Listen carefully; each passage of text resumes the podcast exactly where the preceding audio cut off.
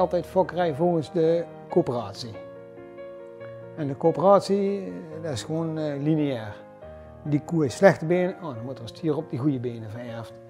Die koe heeft te weinig melk, dan moet er een stier op die veel melk vererft. En de computer berekent alles en dat is ja, zuiver lineair. Heel, ja, eigenlijk eh, simpel. Wat zij bij mij doet, dat gaat om balans. En wat die man met mijn koeien doet, dat gaat ook om balans. Het is, het is, het is precies hetzelfde. Het kan ook op een andere manier. Het is niet altijd allemaal de, de gangbare paadjes die je moet bewandelen om ergens te komen. Dat was toen bij mij wel duidelijk geworden. Sommige dingen kun je niet wetenschappelijk bewijzen, die zijn gewoon zo. Dat is gewoon, dat is gewoon zo. Je kunt niet alles bewijzen. Je hebt ook een bepaald ding, een gevoel, en dat is gewoon. En je gevoel ligt ook nooit. Of nooit, niet al. Die gulden snede, ja, het zit overal. Ga maar kijken, overal in de natuur, je, je lichaam. Ja, de verhouding van je arm. Je, ja, je, je, je, je, hele, je hele lichaam. Maar ook je DNA is het volgens de gulden snede verhouding. Maar ja, ik heb nog nooit een koe in een maisveld zien lopen dat die mais aan het eten was. Eigenlijk is mais geen eten voor een koe. Die mais is een hele lucratieve handel, omdat iedereen door de maisteelt om de boer heen geld gaat verdienen. Eerst de loonwerker. Er moet mest gereden worden. Mais moet gezaaid worden. De mais moet gespoten worden. De mais moet geoogst worden. Er zijn bijna altijd activiteiten die de boer zelf niet kan. Of het is een hele grote boer. Maar een gemiddelde boer die doet dat zelf niet. Dus dan allemaal activiteiten om die boer heen, zodat die loonwerker dat kan doen. We hebben de koe aangepast aan het systeem. En uh, eigenlijk zou het handiger zijn als we de, het systeem aanpassen aan de koe. Kijk, waar is voor de koe het beste? De bodem wil dus ook 62% vrouwelijk en 38% mannelijk zijn. Maar ja, wij gebruiken kunstmest, dat is mannelijk. Uh, bestrijdingsmiddelen, alles wat we doen is mannelijk. We lopen over die grond heen en we denken in kilo's, alles is mannelijk. Gaan... Zware machines eroverheen, ja, mannelijk. Ja, maar die bodem wil in principe vrouwelijk zijn. Water is onzijdig. 50%, 50%. Dus wat doet die bodem? Die houdt water vast, want dan wordt hij in principe komt hij dichter bij die uh, gulden snede verhouding. In die uh, jaren nadat ik stop met mijn boerderij ben ik via een lange omweg in contact gekomen met mensen in Oostenrijk. En die mensen hadden een machine ontwikkeld om graan te laten kiemen. Ja, dat is gewoon eh, ontzettend mooi zoals dat werkt. Die, die kippenboeren voerden gekiemde graan aan hun kippen. En uh, ze hebben hem eigenlijk ontwikkeld, die machine, omdat ze vonden dat, omdat daardoor hun kippen 100% lokaal geteeld voer konden voeren. Dag lieve mensen, mooi dat jullie weer kijken naar een nieuwe video op ons kanaal Zelfwerkzaamheid. Wij zijn vandaag weer in het mooie Overrasseld. We zijn al een keer bij Sjaak Bruisten geweest, ook een heel mooi interview om te bekijken. En nu zijn we bij Adrie en daar gaan we ook een heel mooi verhaal mee opnemen. En Adrie heeft vanmorgen zelfs nog met Sjaak telefonisch contact gehad, hoe de synchroniciteiten lopen, zonder dat Sjaak wist dat we hier een video op gingen nemen. Hoe mooi kan het leven zijn? Daarnaast willen we vragen van waardeer je wat wij doen? Sluit je dan aan bij de Vrienden van Zelf werkzaamheid. Wij hebben daarin een concept dat je voor een jaar uh, het af kunt sluiten voor 50 euro of 100 euro per jaar, zodat het voor iedereen toegankelijk blijft en wij dit werk kunnen blijven doen. Wij zitten nu bijvoorbeeld ruim 50 minuten enkel in de auto en die auto die rijdt ook niet op water helaas nog niet, zoals ook de camera's en de spullen die hier staan. Dus je helpt ons daar enorm mee. Nu zijn er ongeveer 25 mensen lid van de Vrienden van Zelfwerkzaamheid. Je zult wellicht begrijpen dat dat niet voldoende is om. Nou ja, we laten het ontkiemen en we gaan het vandaag ook weer over kiemen hebben. Dus dat is een mooie vergelijking. En daarnaast hebben we flyers laten drukken over lezingen die we uh, houden de lezingen houden we in ieder geval om de bewustwording te verhogen van de mensen en de mensen de ware kracht in het hart te laten vinden. zodat ze dat op kunnen graven. Er is ook weer iets nieuws ontstaan, dus omdat ik nu drie dagen, vier dagen in de week met zelfwerkzaamheid bezig ben, ontstaan er ook hele mooie initiatieven. Onder andere ook een MP3-speler, wat geheel uitgewerkt is om persoonlijk te groeien. Wil je daar meer over weten? Kijk dan op de website zelfwerkzaamheid.com in de shop en zie wat het voor jou kan betekenen. Er wordt ook een heel mooi boekwerk geleverd, dus er zit echt heel veel werk en passie in met een hart om mensen verder te helpen. Maar nu heb ik genoeg gekletst, want we zitten hier bij Adrie. Adrie, dankjewel dat we hier mogen zijn. Ja. Hoe hebben we elkaar ontmoet? Op, eh, tijdens de wandeling bij eh, Steven. Steven en René. Ja, een paar weken geleden, ja. In Berlicum. Wat was dat te doen? Een verbindingswandeling was het. Ja. Ja, dat was wel leuk, ja. Nu ben je even wat rustiger, maar, maar toen was het echt één waterval aan informatie wat jij allemaal hebt ervaren, Adrie. Hè? Kun, kun je ons eens meenemen? Want ja, met de boeren is nu toch heel veel aan de hand, hè? En jij bent ook altijd boer geweest. Ja, tot eh elf jaar geleden. Wat is er gebeurd? Nou, ik had een boerderij samen met een broer van mij. We hadden varkens en koeien.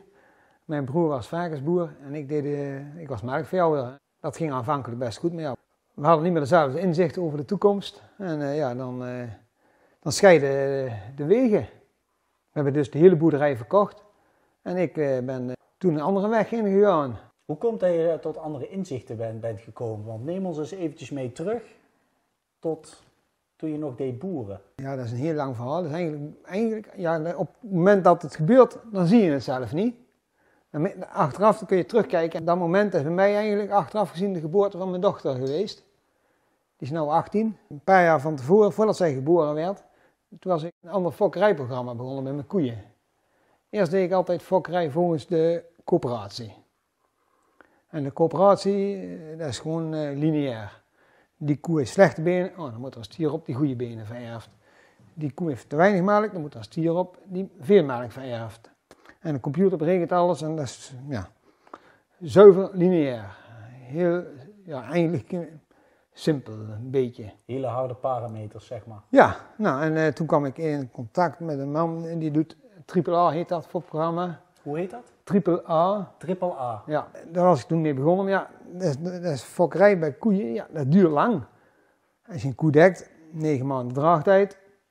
En dan, eh, als er een vaarskalfje geboren wordt, dan duurt het weer twee jaar om op te fokken. Dus je bent eh, bijna drie jaar bezig voordat je het resultaat van je fokkerij in de melkstal ziet. En AAA, dat, eh, als je bijvoorbeeld een koe hebt die, eh, waar de melk heel snel uitkomt, dan zegt het fokkerijprogramma van de coöperatie, ja, dan moet je een stier opzetten die langzaam melken vererft.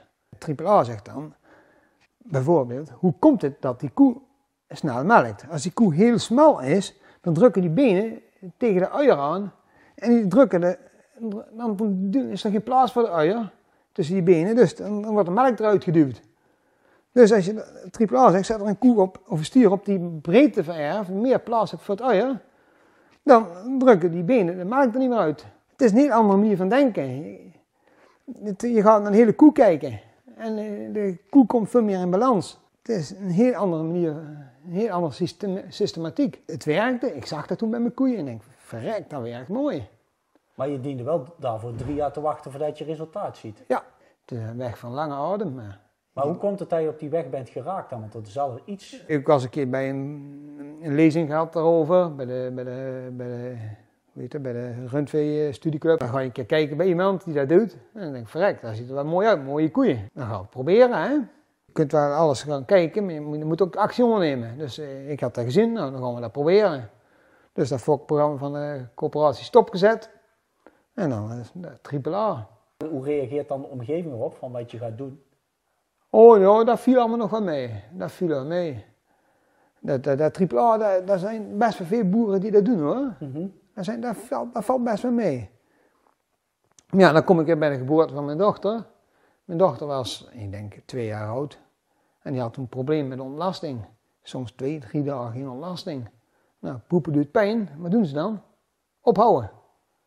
En het probleem wordt niet opgelost. Dan kun je naar de huisarts gaan of naar de dokter. En dan krijg je een poedertje, een pilletje, een drankje. En toen hoorde ik van een nichtje van mij, die had hetzelfde probleem bij haar kind. En die was bij een mevrouw in Malden geweest.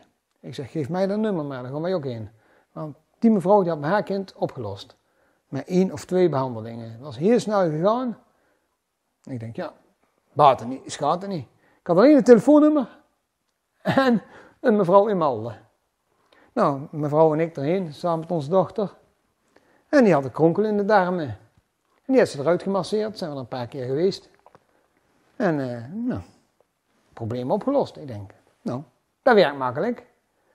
En ik zat uh, al vanaf mijn uh, 18 of zo, had ik al rugproblemen. En niet te zuinig.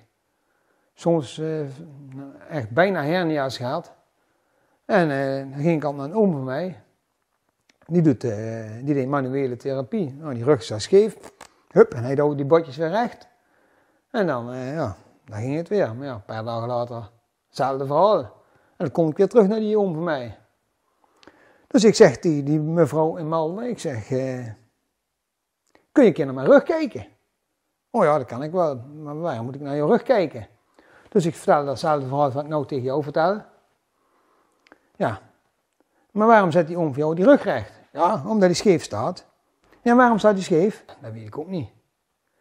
Nou, eh, dus ik ben bij haar, ja, dat is goed, dan gaan we kijken. Hè. De eerste keer ben ik daar geweest, dat ze me vanaf hier tot hier behandeld. Drie weken later vanaf hier tot beneden. Weer drie weken later de hele meuk. En uh, het was opgelost. Ongekend. Wat deed je dan? Ja, het, uh, zij was uh, craniosacraaltherapeut. het lijkt een beetje op een osteopaat. Dat ken je misschien wel, of de andere mensen.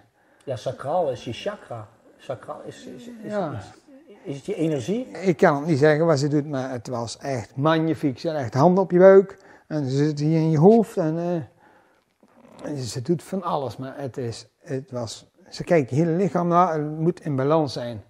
Wat breekt ze iets? Nee, ze doet absoluut niet uh, kraken of breken of zo. Absoluut niet. En uh, dat was echt zo mooi. Wat zij bij mij doet, dat gaat om balans. En wat die man met mijn koeien doet, dat gaat ook om balans. Het is, het is, het is precies hetzelfde het kan ook op een andere manier. Het is niet altijd allemaal de, de gangbare paadjes die je moet bewandelen om ergens te komen. Dat was toen bij mij wel duidelijk geworden. Ja, ik kan me voorstellen, ja. Je, je, ging dus anders naar dingen kijken, omdat je bij jezelf hebt ervaren dat het werkt. Want je ja. rugpijn is weg. Ja, ik ben sindsdien nooit meer bij die om mij geweest. Alleen ja, een paar jaar later begon de ellende met mijn broer. Dat, dat, uh, niet meer lekker liep. En uh, ja, mijn rug is mijn zwakke punt. En toen, toen ben ik weer naar die mevrouw in Malden geweest. Die laatste jaren op de boerderij waren ontzettend zwaar. En zij heeft mij er toen doorheen getrokken. Dat zijn mij, daar ben ik ontzettend dankbaar voor. Dat was een hele zware tijd. Energetisch doorheen getrokken, zeg maar. Ja, en ook mijn lichaam, dat, het, dat ik kon functioneren, dat ik die boerderij, die koeien moesten wel verzorgd worden. En ja, je, je, dat was uh, ja, mentaal heel zwaar. Je moet, die boerderij moet verkocht worden. Ik wou boer worden altijd. En dat, ja, dat, dat, dat stopte. Hoe komt het dat in één keer dat je zei van ik stop? Want je, hebt nu inzicht, je had inzichten gekregen van hé, hey, dat kan ik ook bij mijn koeien doen. Wat, wat, heb je toen bij jouw koeien daarna gedaan? Op een gegeven moment had ik een, uh, ergens iets gelezen over koolstof. Uh, koolstof voeren aan koeien. Daar, daar, daar, daar kon ze goede resultaten mee boeken of op internet gelezen, ik weet het niet meer. Ja, normaal gesproken, ja, dan, eh, dan ga ik ergens kijken en als je dan iets bevalt, dan, ja, dan proberen, hè. Simpel zat. Maar ja, mijn broer die zag er allemaal niet zo zitten. Dus ja, toen heb ik het allemaal maar niet gedaan. En toen liep het allemaal, uh, ja, toen hadden we de boerderij te koop staan. Toen dacht ik, uh, ja, nou ben ik nog boer. Nou kan ik nog... Uh, gaan experimenteren met mijn eigen koeien. Ja, dat je weet wat werkt, wat niet werkt. Ja, nou dus uh, ik denk, boeien, ik ga nou die koeien koolstof voeren. Dus ik ben mijn koeien koolstof gaan voeren. Dan kwam met een man uit Friesland, die verkocht dat spul. Ja, ja, maar Adrie, je voert nog te veel eiwit. Nou, dat is goed, ik ga maar proberen met wat minder eiwit hoor. Alles gaat in zijn mengwagen, dus ja, dan gooi ik er... ja, als ik er eerst 100 kilo in gooide per, per dag, dan deed ik het bijvoorbeeld 10 kilo minder in. Dan gooi ik er 90 kilo in. En dan deed ik dan weer een week lang met 10 kilo minder. Valt wel mee, de koeien doen het nog steeds goed. Nou, ja, een klein beetje eraf halen. En eh, uiteindelijk ging ik met veel minder eiwit met mijn koeien voeren. Want wat is er eh, niet goed aan eiwit of zo? Overmaat zeker niet goed, maar ja, daar kom ik daar ook wel even op. En die man die zei ook, ik moest meer stro gaan voeren. Oh, is goed, ja, ik probeer het wel. Dus ja, maar dan ging ik ook maar allemaal langzaam aan. Hè? Dus eh, niet, eh, geen gekke dingen. Nou, maar op een gegeven moment voerde ik, eh, pak hem weg. Ik denk wel anderhalve kilo stro per koe per dag. En dan zou je zeggen van stro geeft de koe geen melk. Maar echt wel, die koeien die gaven nog steeds net zoveel melk. En ik, op een gegeven moment heb ik ook de vijzel van eiwitbrok uitgezet. Omdat ik zeker wilde weten dat er geen eiwitbrok meer in kwam. En eh, mijn koeien deden het nog steeds goed. Het ging echt als de, als de brandweer. Maar ik had wel een veel lage rekening van mijn eh, voerfabrikant. De gezondheidskosten met een dierenarts die was ook veel lager. Mijn koeien waren eh, heel erg gezond toen. Kregen ze op een gegeven moment geen eiwitten meer? Gewoon uit gras. Toen heb ik, hebben we de boerderij verkocht en ja, wat er toen, hoe het verder is gegaan, ja, dat kan ik niet ze- zeggen, want ik, heb, ik weet het niet meer. Wat was jouw inzicht toen dat je zag van, hé, die voedselkosten die zijn enorm naar beneden gegaan, noem maar op. Wat, wat, zag je toen? De mensen om mij heen. En eh, je wordt, een verhaaltje verteld. En ja, oh, ja, dat moet je geloven. Toen dacht ik bij mezelf, nou, als ik, eh, ik ga die koolstof wel verkopen. Dat is eh piece of cake, want dat werkt. maar ja, dus dat valt eh, toch behoorlijk tegen. Ik heb daar, ja, niet alleen die koolstof, ben ik ook andere dingen erbij gaan doen.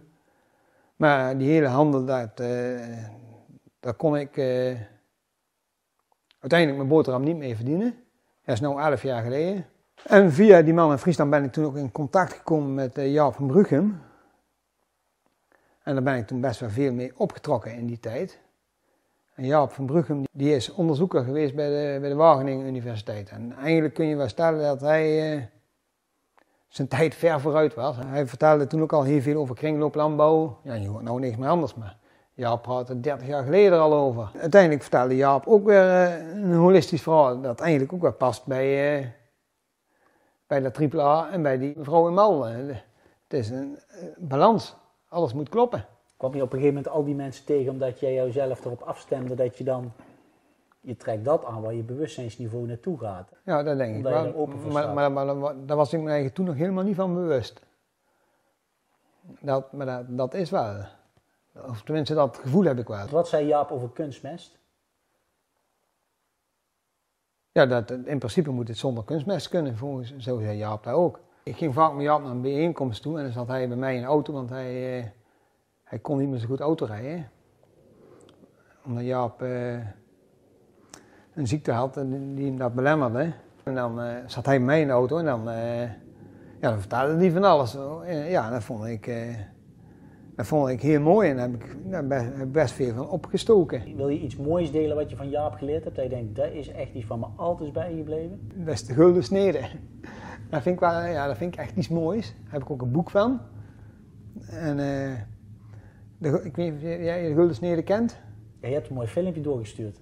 Nou. In de natuur kun je veel vormen en patronen ontdekken. Heb je wel eens een zonnebloem van dichtbij bekeken? Viel je daar iets bijzonders aan op? Als je goed kijkt kun je hier verschillende spiralen in ontdekken. 21 linksom en 34 rechtsom. Mooi hè? In de natuur zie je deze spiraalvorm overal terug. Deze dennenappel heeft 8 spiralen rechtsom en 13 spiralen linksom. Een rode kool heeft er 3 en 5. Deze plant heeft er ook 3 en 5. En een ananas 8 en 13. En zo kunnen we nog wel even verder tellen. Er zijn bloemen met 3, 5, 8, 13 of zelfs 21 bloemblaadjes, die allemaal even mooi in verhouding tot elkaar staan. Er is iets speciaals met deze getallen uit de natuur. Het zijn namelijk allemaal steeds dezelfde cijfers. Het lijkt wel een wiskundig systeem. Als je al deze getallen achter elkaar zet, vormen ze een wiskundige rij. Want elke twee opeenvolgende nummers vormen bij elkaar opgeteld het volgende nummer. Kijk maar. 1 plus 1 is 2. 1 plus 2 is 3. 2 plus 3 is 5. 3 plus 5 is 8. Het lijkt wel magie. We kunnen deze wiskundige rij uittekenen in vierkantjes van 1 bij 1, 2 bij 2, 3 bij 3, 5 bij 5, 8 bij 8 en ga zo maar door. Als je daarna een boog tekent van de ene naar de andere hoek, ontstaat er weer die spiraalvorm die we overal in de natuur tegenkomen. Al deze vierkanten hebben een verhouding van 1 op 1,6. Dit noemen we de gulden snede. Het getal 1,6 ontrafelt misschien wel het geheim van schoonheid. Maar wat gebeurt er wanneer je de regels van de gulden snede toepast op een schilderij? Er waren kunstenaars, zoals Salvador Dali, die hiermee aan de slag gingen. Ze waren ervan overtuigd dat je zo een beeldschoon schilderij kon maken. Salvador Dali maakte dit schilderij. Mooi, hè? Er zijn mensen die zeggen dat de gulden snede in bijzondere schilderijen of bouwwerken te zien is. En dat we het daarom mooi vinden. Volgens anderen is dit niet waar. Zij denken dat de gulden snede overal wel ingezien kan worden. Ook als de verhouding eigenlijk helemaal niet klopt. Neem bijvoorbeeld de Mona Lisa, een beroemd schilderij. Sommigen zien hier de gulden snede in. Maar hoe zit het dan met de rest van het schilderij? Dat past niet. En bij deze Griekse tempel? Volgens sommigen is de gulden snede duizenden jaren geleden al gebruikt bij dit bouwwerk. Maar waarom worden deze traptreden dan niet meegeteld? En wat vind je van dit moderne gebouw? De architect gebruikte de gulden snede bij het berekenen van de hoogte van de muren, de grootte van de kamers en de plaats van de pilaren. Is het hierdoor mooi geworden? De beroemde schilder Mondriaan beweerde juist dat hij niet de gulden snede heeft gebruikt. Maar toch kun je het terugvinden in zijn werk. Toeval? De vraag is of we met de gulden snede, en dus met wiskunde, schoonheid kunnen creëren. Of dat er veel meer meespeelt. Is schoonheid wel in getallen te vatten? Wat denk jij?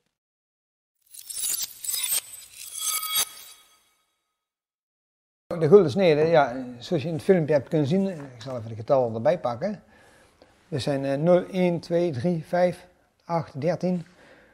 Maar die getallen, als je die op elkaar deelt, dat staat volgens mij niet in het filmpje, dan kom je uiteindelijk, uh, als je 377 deelt op 610, kom je op uh, 0,62, of als je het andersom doet, 1,62. En als je 1,62 weer omdraait, zo zei Jaap het, 1 deel door 1,62, kom je ook op 0,62. En hier is de frequentie van de liter. 1 plus 1 gedeeld door 1 plus 1 gedeeld door 1 plus 1 gedeeld door 1 plus 1 gedeeld door 1 plus 1 tot in het oneindige. Maar En dan wat krijg je- houdt dat precies in? Dan Ja, krijg, je- krijg je een factor, als je dat uitrekent, van 1,618. En dat is de zogenaamde gulden ratio. wat heeft dat nou te maken met vitale landbouw? Het is het basismodel van de natuur. En die 0,62, dat is een heel belangrijk getal. Dat is, 0, is 62% vrouwelijk en 38% mannelijk. Dat is de ideale verhouding van mannelijkheid en vrouwelijkheid. En die is overal, zou die eigenlijk, eh, Die verhouding 0,62?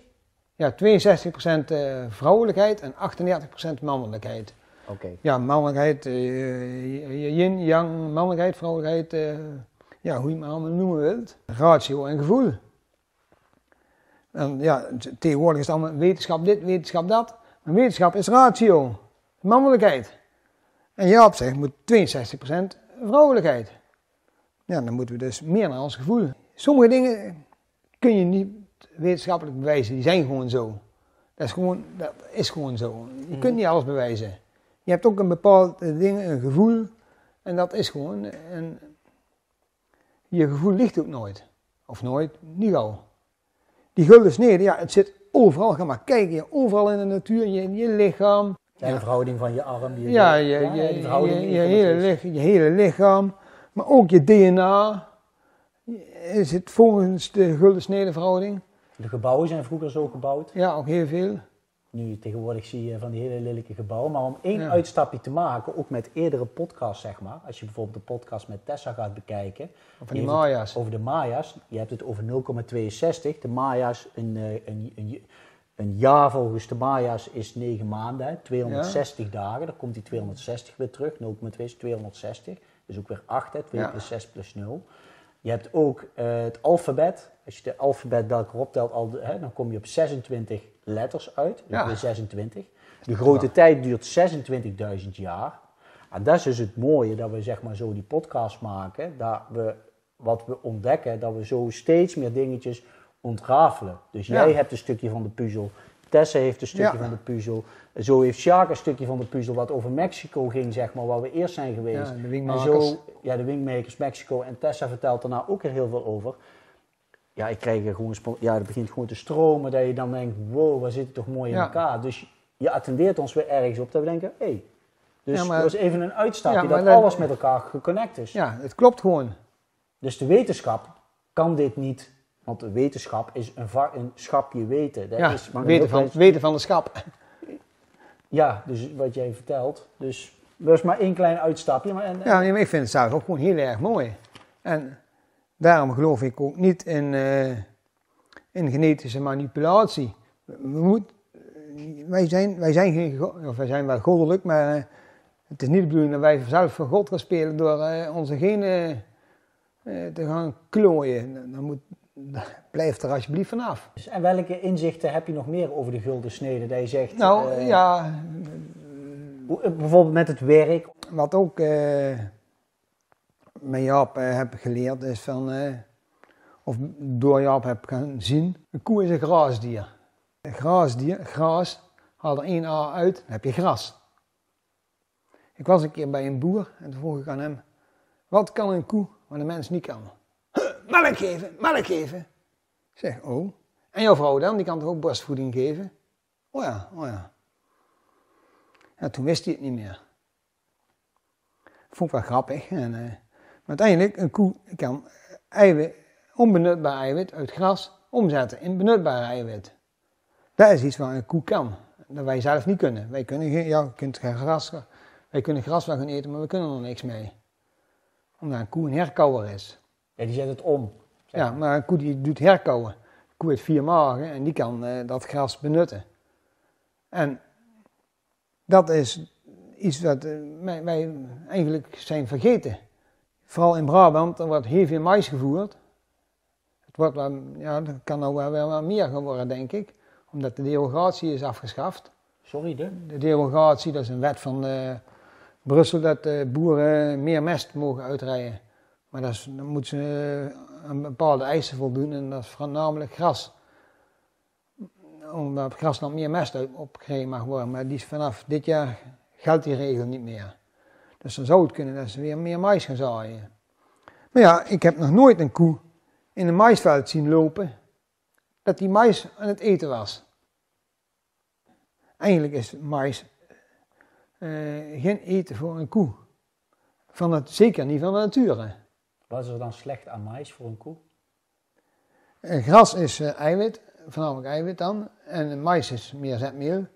En eh, vooral als je veel mais voert, dan moet je ook eiwit bijvoeren. Nou, die eiwit is dan meestal in de vorm van soja. Die komt uit Brazilië.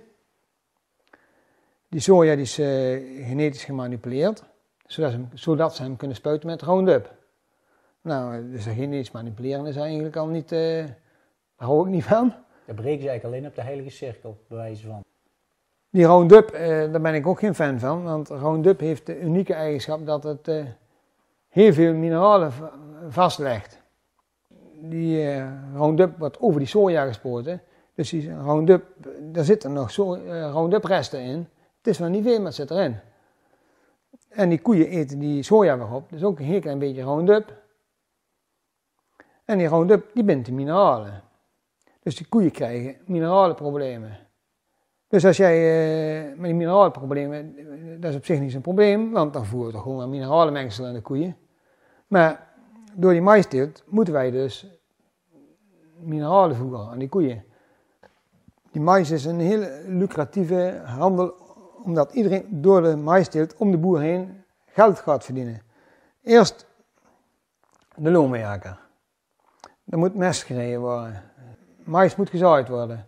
De mais moet gespoten worden. De mais moet geoogst worden. Er zijn bijna altijd activiteiten die de boer zelf niet kan. Of het is een hele grote boer. Maar een gemiddelde boer, die doet dat zelf niet. Dus dan allemaal activiteit om die boer heen, zodat die loonwerker dat kan doen. Nou, we hadden het net ook over de mineralen. Die koe heeft dus mineralen nodig. Die verkoopt uh, ja, de voerfabriek. Een CRV of een... Uh, ja. Een, ja, de CRV vind ik een heel leuk voorbeeld, want die bestaat niet meer. Dus uh, laten we maar even CRV blijven, blijven gebruiken. Dus de CRV verkoopt de mineralen.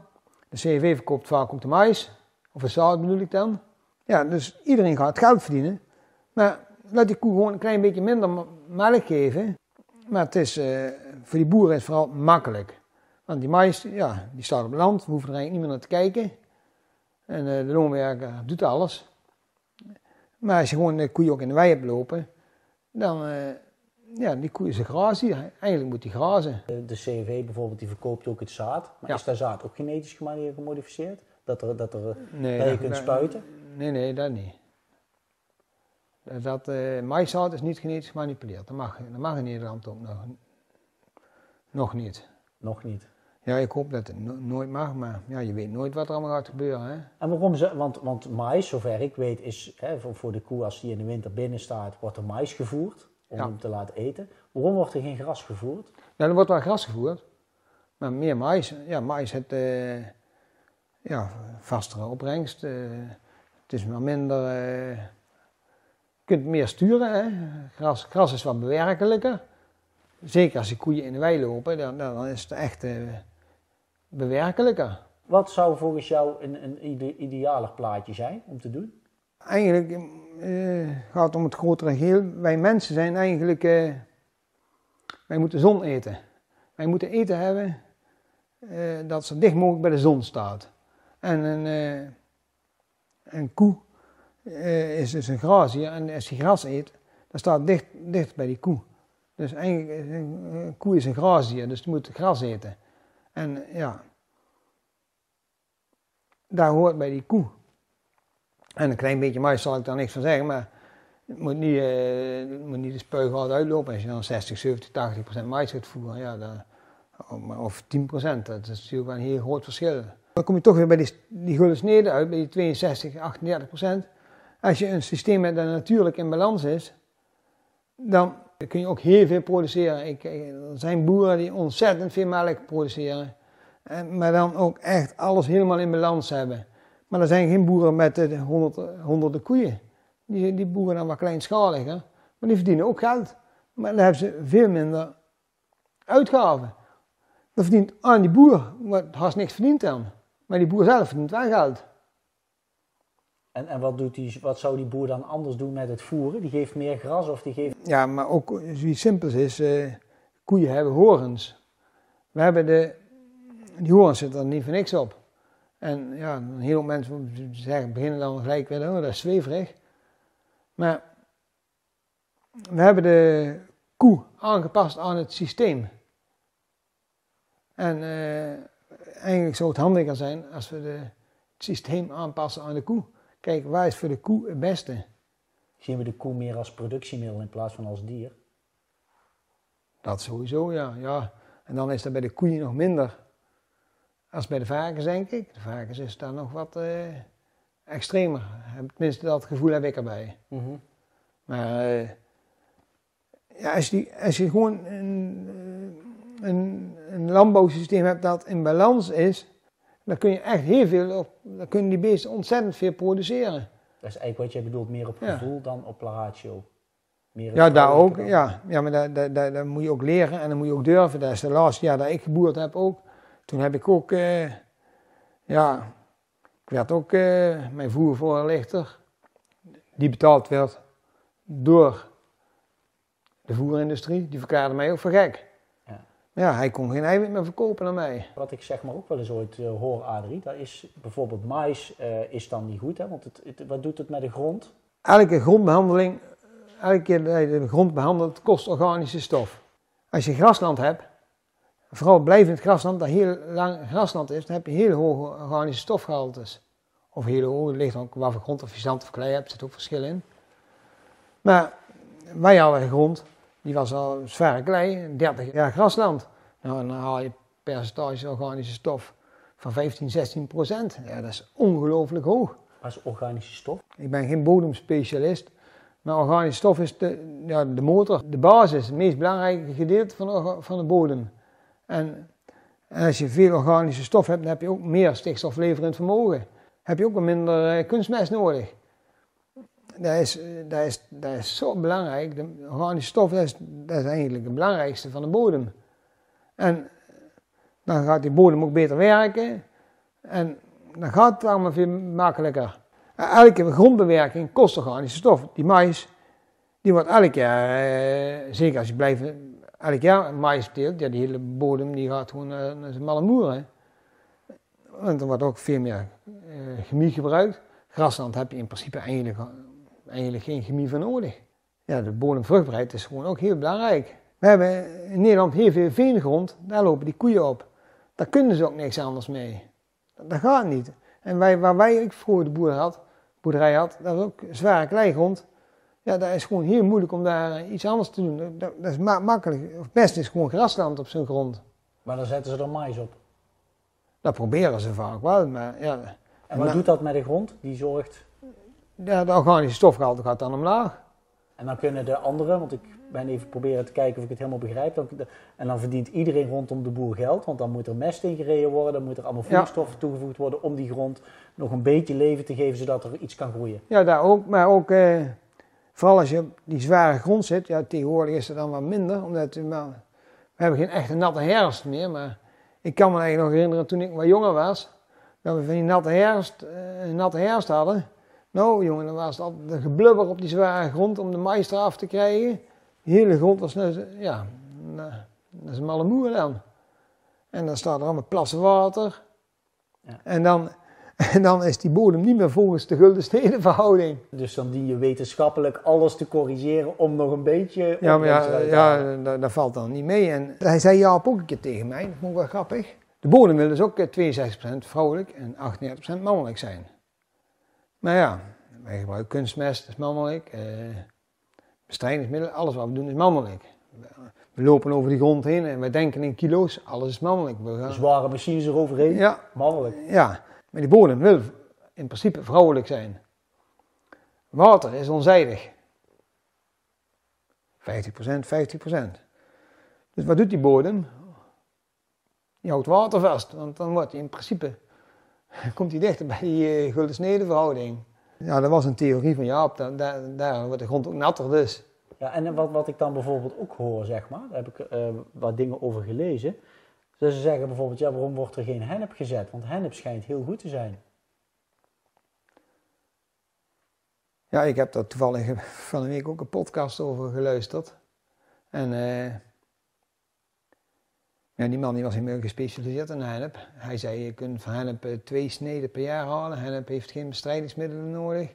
Twee sneden, twee oogsten. Of ja, twee oogsten, ja. En hennep eh, heeft geen bestrijdingsmiddelen nodig, heeft geen kunstmest nodig. En je kunt er alles van maken. Hennep is geneeskrachtig. Hennep is... eh, kunnen ze auto's van maken.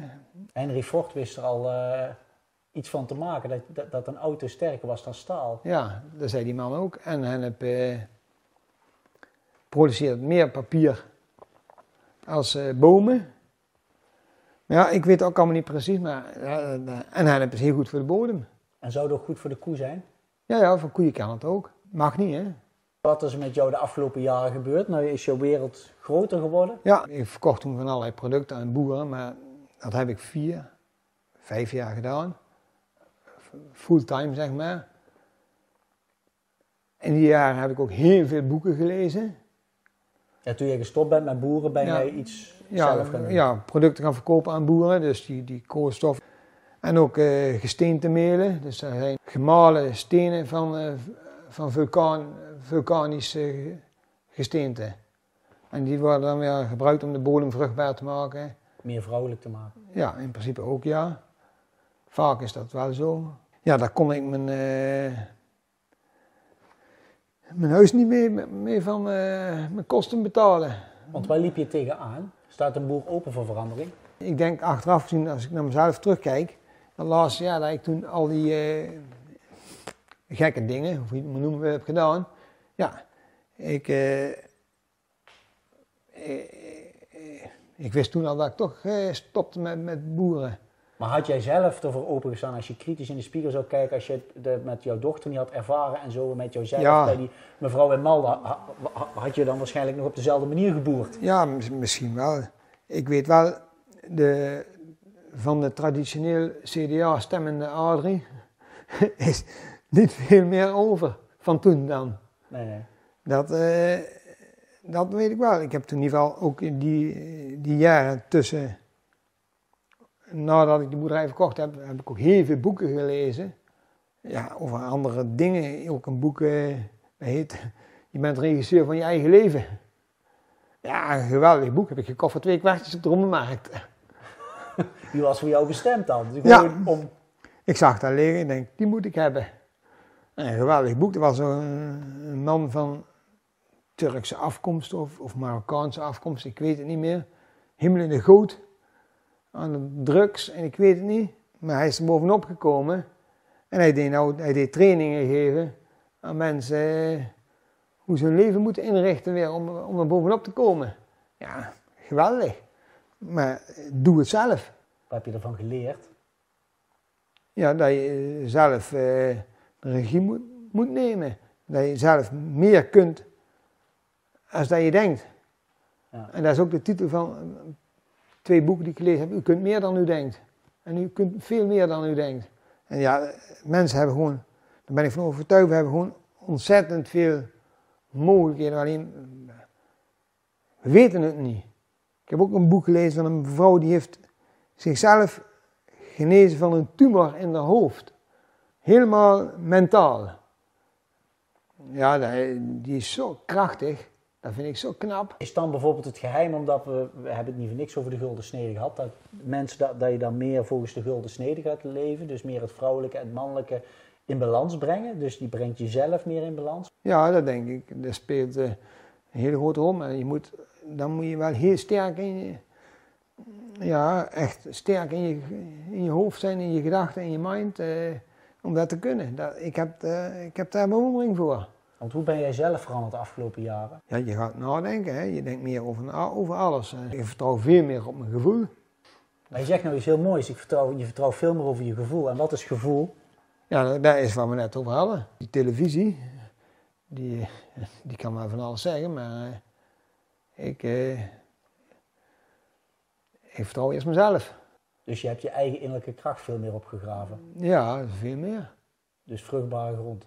Ja, hoe je maar noemen wil. Ja. Ja, want dat zijn gewoon dingen, ja, eh, het leven gaat gewoon heel anders. eh.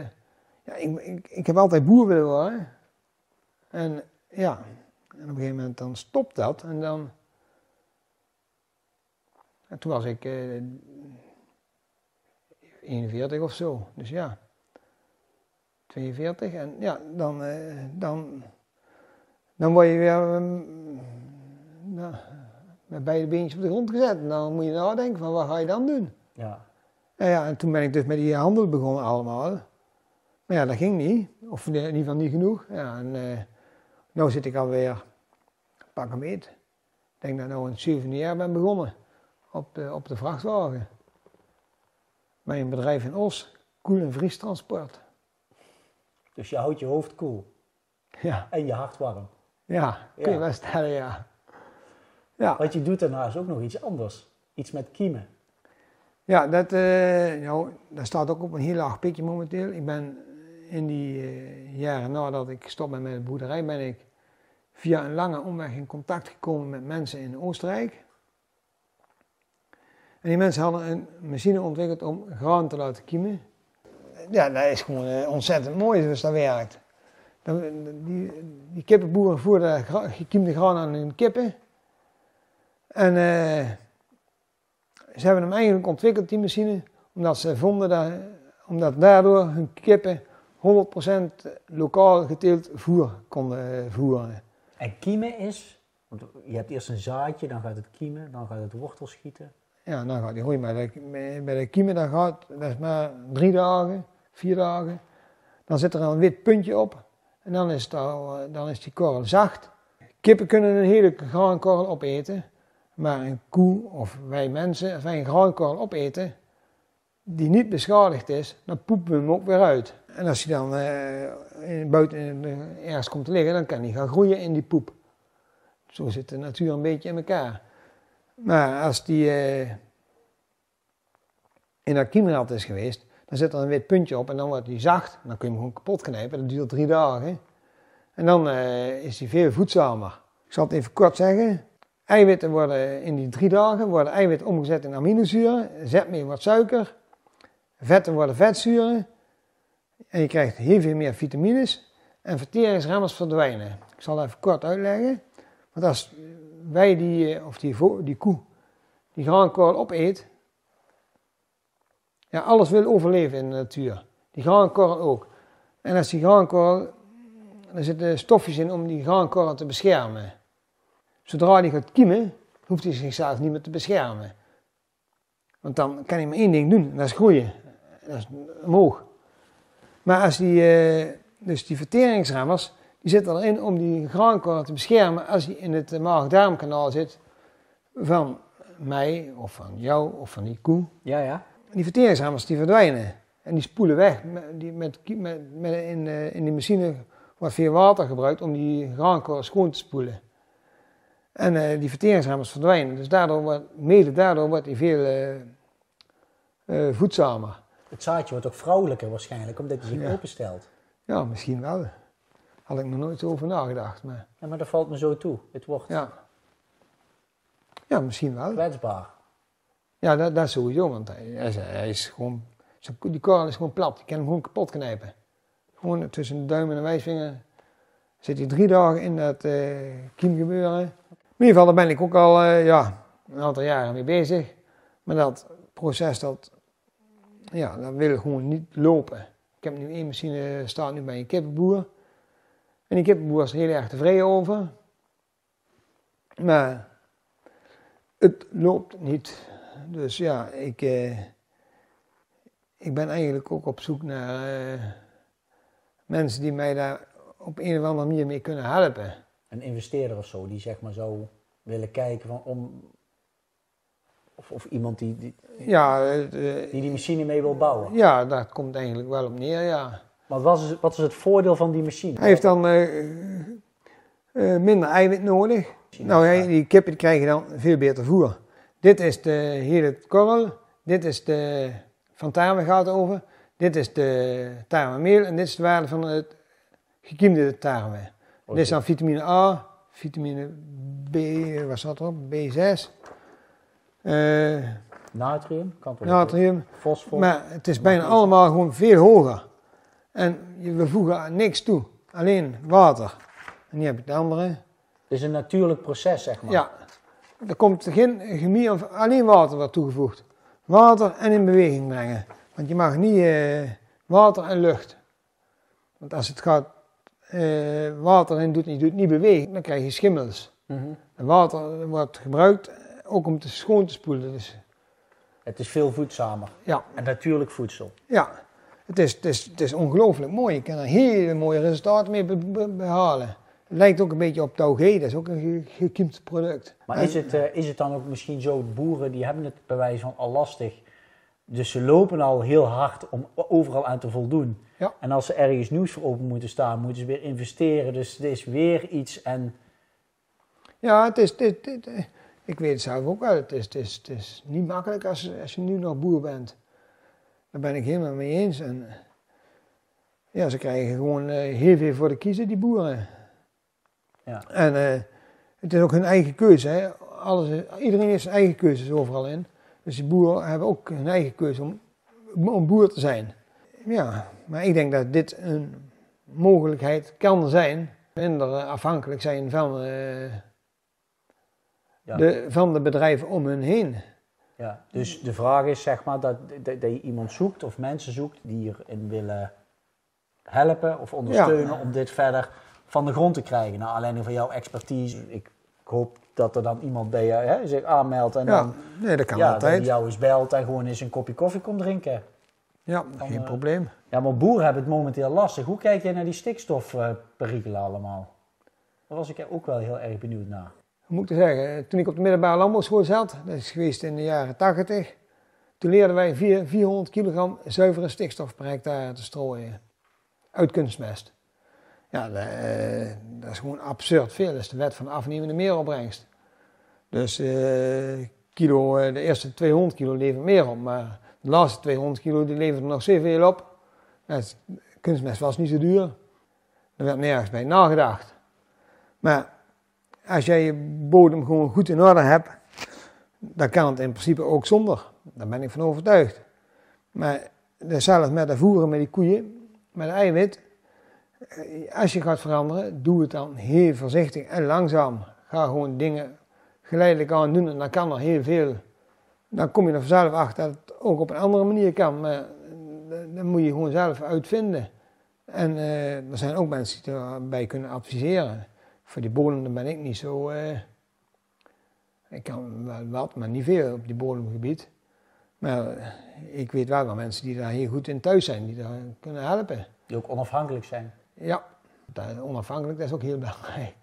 Ja, ja. Want als ik het voer verkoop, zeg maar, dan Ja, ben ik iets afhankelijker dan om Ja. jou een bepaalde richting in te duwen. ja nee, dat klopt. Eh, Stikstof kunstmest, ik weet niet hoeveel het kost, maar het kost heel veel gas om dat ook te produceren. Dus als wij minder stikstofkunstmest gaan strooien op het land, heb je ook veel minder eh, uitstoot van gas, doordat het eh, produceren niet meer hoeft. Ja, in de voorlijn, zeg maar. Ja, dat, dan is gewoon heel veel mogelijk. Daar ben ik gewoon van overtuigd. Maar het stikstofprobleem zoals dat nu eh, gezegd wordt, ja, ik, eh, Zonder Nee. stikstof toch geen leven? ja, ik ben eh, 80% van de lucht bestaat uit stikstof. Dus ja, Ja. ja. Ik, Dus even, dan zal ik het even zeg maar noemen. Wie houdt wie voor de gek? ik geloof er niet zo heel veel van. Maar ja, dan wordt het, eh, in mijn ogen is het een gecreëerd probleem door de overheid en om eh, de boeren een beetje eh, te pakken. Maar ja. Dus het is aan de boeren zelf om daar bewust van te worden en Ja. onderzoek te doen en te kijken van... eh, hoe gaan we daarmee om? ja. Ja, het, het, is- het is gewoon heel moeilijk allemaal voor die boeren. En, ja, en nou door die derogatie niet meer kan, moeten ze weer meer mest afvoeren. Het wordt, eh, het wordt echt, eh, echt Ja. veel moeilijker gemaakt. Daar ben ik, eh, daar ben ik me eigenlijk heel goed van bewust. En, eh, En nu zijn ze ook bezig met, eh, met, met eh, plantengroei op basis van ledverlichting. ja, Dat Ja. zal wel heel gezond zijn, toch? ja, ja, vooral doen. Planten die groeien van ledverlichting, dat is waarschijnlijk ook in een container. Nou, die planten die hebben geen bodem gezien en die hebben geen zon gezien. Dat is, ja, het smaakt goed, het ruikt goed, het ziet er goed uit, en het is geen voeding. Zo denk ik erover. Dat is, eh, Ja. ik zie daar geen eh, toekomst in. Gezond eten heeft eh, grond gezien en heeft zon gezien. Zowel de vader, de zon als de moeder. Ja. ja, zo kun je het De zeggen. aarde is de moeder Ja, en de zon moeder, is de vader. Dus Ja, dat van de zon is de vader, dat wist ik niet. Maar moedertje haar, dat zeggen ze altijd. Hè? Dan ben je ook weer meneer Philips een sponsor met zijn ledlampjes. ja, en ledlampjes geven ook weer straling. Dus, dus Nee, maar dat dan, dan, dan, dan, ik zou daar niet afhankelijk van willen zijn. Probeer eh, zo onafhankelijk mogelijk te zijn, dat is het belangrijkste. Het- Het is ook best lastig, zeg maar, wat er nu allemaal gebeurt. En eh, hè, wat, wat kun je wel zeggen, wat kun je niet zeggen. Het is, eh, ja... Nou ja, je hebt je eigen wel de afgelopen tijd heel veel afgepeld. Ja, en vooral de laatste paar jaar, of laatste, dan, ik zit in een vrachtauto en dan doe ik veel podcasten luisteren. Dat vind ik wel leuk. Zo ben ik ook bij jou terechtgekomen. Oh ja, zo, zo hebben we elkaar ontmoet. Ja, ik had jouw podcast ook geluisterd in de vrachtauto en ik denk, hé hey, vrek, dat is leuk. En toen kwamen we elkaar tegen. Ja, dat heeft zo moeten zijn, hè? Ja, Mo moeten niet, maar mogen zijn. ja nee, maar ja, de vrachtwagenrijden ook, het is, eh, hoe moet ik het zeggen, het is niet mijn, eh, mijn hobby, het is niet iets wat ik eh, ooit geambieerd heb. Ja, mijn kachel moet ook branden. Ja, jij vertelde net vooral van jouw kachel moet branden. En die van mij ook. En eh, ja, dat, dat, dat vrachtwagenrijden doe ik nou als, om eh, mijn gezin in onderhoud te voorzien. En wat is jouw droom? Wat is Nou, jouw grote wens? Dan denk ik, ik zou boer willen zijn, maar ja, ik ben ook al 50 geweest. Ja. Nou nog gaan boeren, dat zie ik niet meer zitten. Dat gaat niet meer gebeuren. Maar eh, ik eh, zou graag een, eh, een landbouw zien waar die meer in balans is in alle opzichten.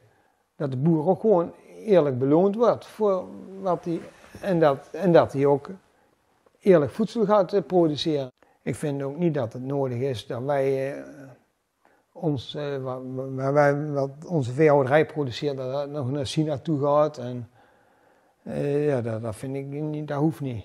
Ja, maar jouw eigen droom, zeg maar, dit is eventjes toch buiten jou om. En snap ik, hè, natuurlijk die wens, dat begrijp ik, maar jouw eigen droom. En je mag gerust weten, die, daar denk ik zelf ook wel eens over na. En als ik in het vrachtwagenrij ben, dat is haast een meditatie. eh, ja, je kunt het niet helemaal mediteren noemen, maar eh, af en toe dan, ja, dan zit je gewoon een beetje in een flow, dan ben je een beetje aan het, aan het denken. Dus eigenlijk zelf, als, we, als je als boer zijn aan het koeienmelken bent, dat is ook een beetje een, eh, een automatisch werk. En af en toe dan zit je wel eens te denken van, ja, wat, wat wil ik en wat, dat vind ik zelf wel een hele moeilijke vraag. Dat mag je eens weten, daar denk ik wel heel veel, of daar denk ik wel vaak over na. Nou, het allerbelangrijkste is gewoon eh, gelukkig zijn. Uh, zelf, maar dan meteen, meteen, meteen erachteraan, dan komen vrouw en kinderen. En het, door zelf gelukkig te zijn, dus de dingen te doen die je leuk vindt. Want waarom stel ik die vraag? Omdat ik bijvoorbeeld weet zelf, ik heb eh, jaren met heel veel dingen geworsteld. En, eh, en wat ik jou heel mooi hoor vertellen, bij mij vallen nu na de interview heel veel puzzelstukjes op zijn plaats, het vrouwelijke toelaten. En ik denk dat we als man zijn, dan de vrouwen, maar ook als man zijn, het vrouwelijke meer mogen toelaten om onze gevoelens te tonen. En als je de gevoelens toont, dan komt jouw droom waar je naartoe wilt, die komt op een gegeven moment naar je toe. Vandaar dat ik ook met bijvoorbeeld die MP3 ben begonnen. Want mensen denken, je, je, je wil bijvoorbeeld uh, heel veel dingen verkopen. Nee, ik wil niks verkopen. Ik wil, ik, mijn missie, bijvoorbeeld mijn missie zelf, is om mensen te helpen om zichzelf opnieuw uit te vinden. En als ik daar mensen mee help, dan vind ik mijzelf ook opnieuw uit. Hetzelfde als ja. dat wij nu hier zitten, dat we die gesprekken hebben, dat we een ja. mooi gesprek hebben met elkaar. En nee, dat, klopt. dat we af en toe zitten te worstelen of naar woorden zitten te zoeken. Maar als alles, net als mijn persconferentie van een, van een script wordt gelezen, dat is mannelijk, dat is wetenschappelijk, dat is ratio bewijzen van. Nee, ja. wij willen onze gevoelens laten zien. Ja, dat vind ik zelf ook. eh. Maar als ik, uh, daar heb ik zelf ook al met een vrachtauto uh, ergens op mijn rij, dan denk ik, oh, hier zou ik wel een keertje heen willen gaan met mijn fiets, een rondje fietsen. Ja, ja. Fietsen, dat doe ik graag. En uh, nou, gewoon dat ik een mooie omgeving zie of zo. En de grootste cadeautjes zitten in het kleinste verpakt. Hè? Als wij op vakantie gaan, ja, ik doe graag fietsen.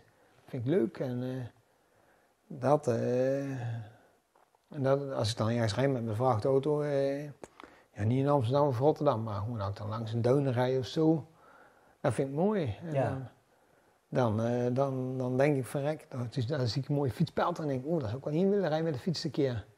Ja. Dat, dat, dat, uh, dat zijn wel een beetje dromen die ik dan heb. Uh, als, ja, maar dan krijg je een lach op je gezicht van, oh, ja. ja, en dan, dan denk ik ook weer, ja, dan denk je weer aan je vrouw en kinderen. En, ja. En dat is weer het visualiseren, wat we meer mogen leren doen, het vrouwelijk, het visualiseren, waar willen we graag naartoe. Want als je gaat leren visualiseren waar je graag naartoe wilt, trek je die dingen naar je toe. Dat is zo mooi is dat. Hetzelfde dat wij nu bij elkaar zitten. Toen we bij uh, de wandeling waren, dat we gingen ja. wandelen. We, je, je, kwam naar mij, we, we, we, we wandelden bij elkaar en hadden gewoon een heel mooi gesprek. Ja. En dat stroomde gewoon en ja, daarna is op jou heel veel in gang gezet toen ik vroeg van wil je geen interview doen? Ja, dat had ik, uh, ja, nee, dat had ik nog niet direct uh, in beeld. Nee, dus, dus er gaat er van alles gebeuren. Nee, dat komt, maar het is gewoon, ja, je kunt niet alles, uh, niet alles is te plannen. Het gaat gewoon zoals als het is. En dat is ook met die boerderij dat we die hebben verkocht. Ja, dat, dat hadden we ook niet gepland. Nee. Maar het leven en, is niet te plannen hoor. Nee, dat hoeft ook niet. De uitdaging is mooi en, ja. en het, uh, ja, het loopt toch altijd anders dan dat je verwacht. Maar, en het is ook niet verkeerd zoals het nou is gegaan. Ja, je leert er gewoon heel veel van. En nou, uh, ja, nou dat werk wat ik nou doe met de vrachtauto, zit ik uh, aan de andere kant van de voedselketen. Vroeger was ik altijd aan het produceren. En ja, nu brengen we het, brengen we het weg. Ja. Dat vind ik ook wel grappig, want mijn zoon die gaat ook wel eens mee met de vrachtauto. En dan rijden we daar in Os. En dan rijdt er een vrachtauto van de CRV voor mij. Dan zeg ik tegen mijn zoon, ja, die rijdt brokjes rond voor de koeien. En als die koeien geslacht worden, dan liggen ze met mij achter in de vrachtauto. Ja. Dus eigenlijk rijden we nou brokjes, zeg ik tegen mijn zoon dan. Ja, ja, in principe wel, ja. Maar dat is wel grappig, want uh, dat, uh, of ja, agrifilms er tegenwoordig, dat zit vlakbij uh, bij vice versa waar ik werk. Dus dat is, ja, dat is, paar, dat is een industrieterreintje verder. Ja, ja. Dus, Het heeft allemaal met elkaar te maken, Ja. want voor wie jij werkt, zeg maar. Ik heb vroeger bij Rutje gewerkt, bij de Mercedes. Was, vroeger was dat klant waar jij, waar jij werkt. En de CRV was ook een klant en zo. En uiteindelijk kom je alles, en dat is ook weer volgens de Maaiers, alles kom je op een gegeven moment weer een keer tegen. En als Ja. je die patronen gaat herkennen, dan is het zo mooi hoe synchroon het leven loopt. nee, dat klopt. Je, gaat, eh, je leert heel veel. Ja, Als je twintig jaar geleden tegen mij had verteld eh, ja, wat, wat ik nou doe allemaal, dan had ik je voor gek verklaard. ja, En eh, ja, ik, ik heb wel vaker gezegd tegen mijn vrouw ook, ik vind het wel ontzettend mooi dat ik nu mag leven, dat ik nu op dit moment hier op aarde ben, dat ik nu mag zien wat er allemaal gebeurt, dat ik het allemaal mee mag maken. ja. Op zo'n jonge leeftijd. Ja, hoe je het noemt, maar ja, het is eh, een hele bijzondere tijd. Ja, Het is heel bijzonder, het is wel, wel af en toe zwaar wat er allemaal gebeurt, maar ik vind het wel eh, mooi om het mee te maken. Bedankt voor jouw, Dat moet, je- dat eh, moet je zo doen, hè? Oh ja, zo. Oh ja, hart op hart. Ja, ja. Ja, Jacques zegt mij zo vol haat, dat maakt niet uit. Ja, ja, die is Dankjewel voor, eh, Ja. voor de gastvrijheid en ook namens mijn vader. Oh, dan mag dit ding er ook af. Ja, ik wil nog even afsluiten. Lieve mensen, dit was hij weer. Heel mooi verhaal met Adrie. Ik heb hem wel even over moeten halen om toch eh, die video te gaan, eh, gaan doen. Maar eh, hij, hij heeft het schitterend gedaan. Heel mooi verhaal, heel veel van opgestoken. Ik denk dat de boodschap is, in ieder geval voor mijzelf, graaf het vrouwelijke in jezelf weer meer op. Laat dat toe, laat het stromen. Vooral gevoel in plaats van ratio. Dus hier zit het weten, hier zit de kennis. En ga op zoek naar het weten. En dan ga ik het toch nog even vragen. Eh, vind je de video leuk? Wil je hem delen? Heel graag. En wil je ook leren visualiseren? Kijk dan dus op de site over de MP3, wat ik met mijn hart heb uitgewerkt. Er zit heel veel werk in. Ik gebruik bijvoorbeeld al ruim drie jaar eh, een MP3-speler. En het is niet zomaar een MP3-speler. Dus dat kun je op de site bekijken. Dankjewel voor het kijken. Wil je ons helpen, ook met Vrienden van Zelfwerkzaamheid, zodat we op nog mooiere plaatsen kunnen komen? Meld je aan, je bent meer dan welkom. Dankjewel namens ons drieën. Bye bye.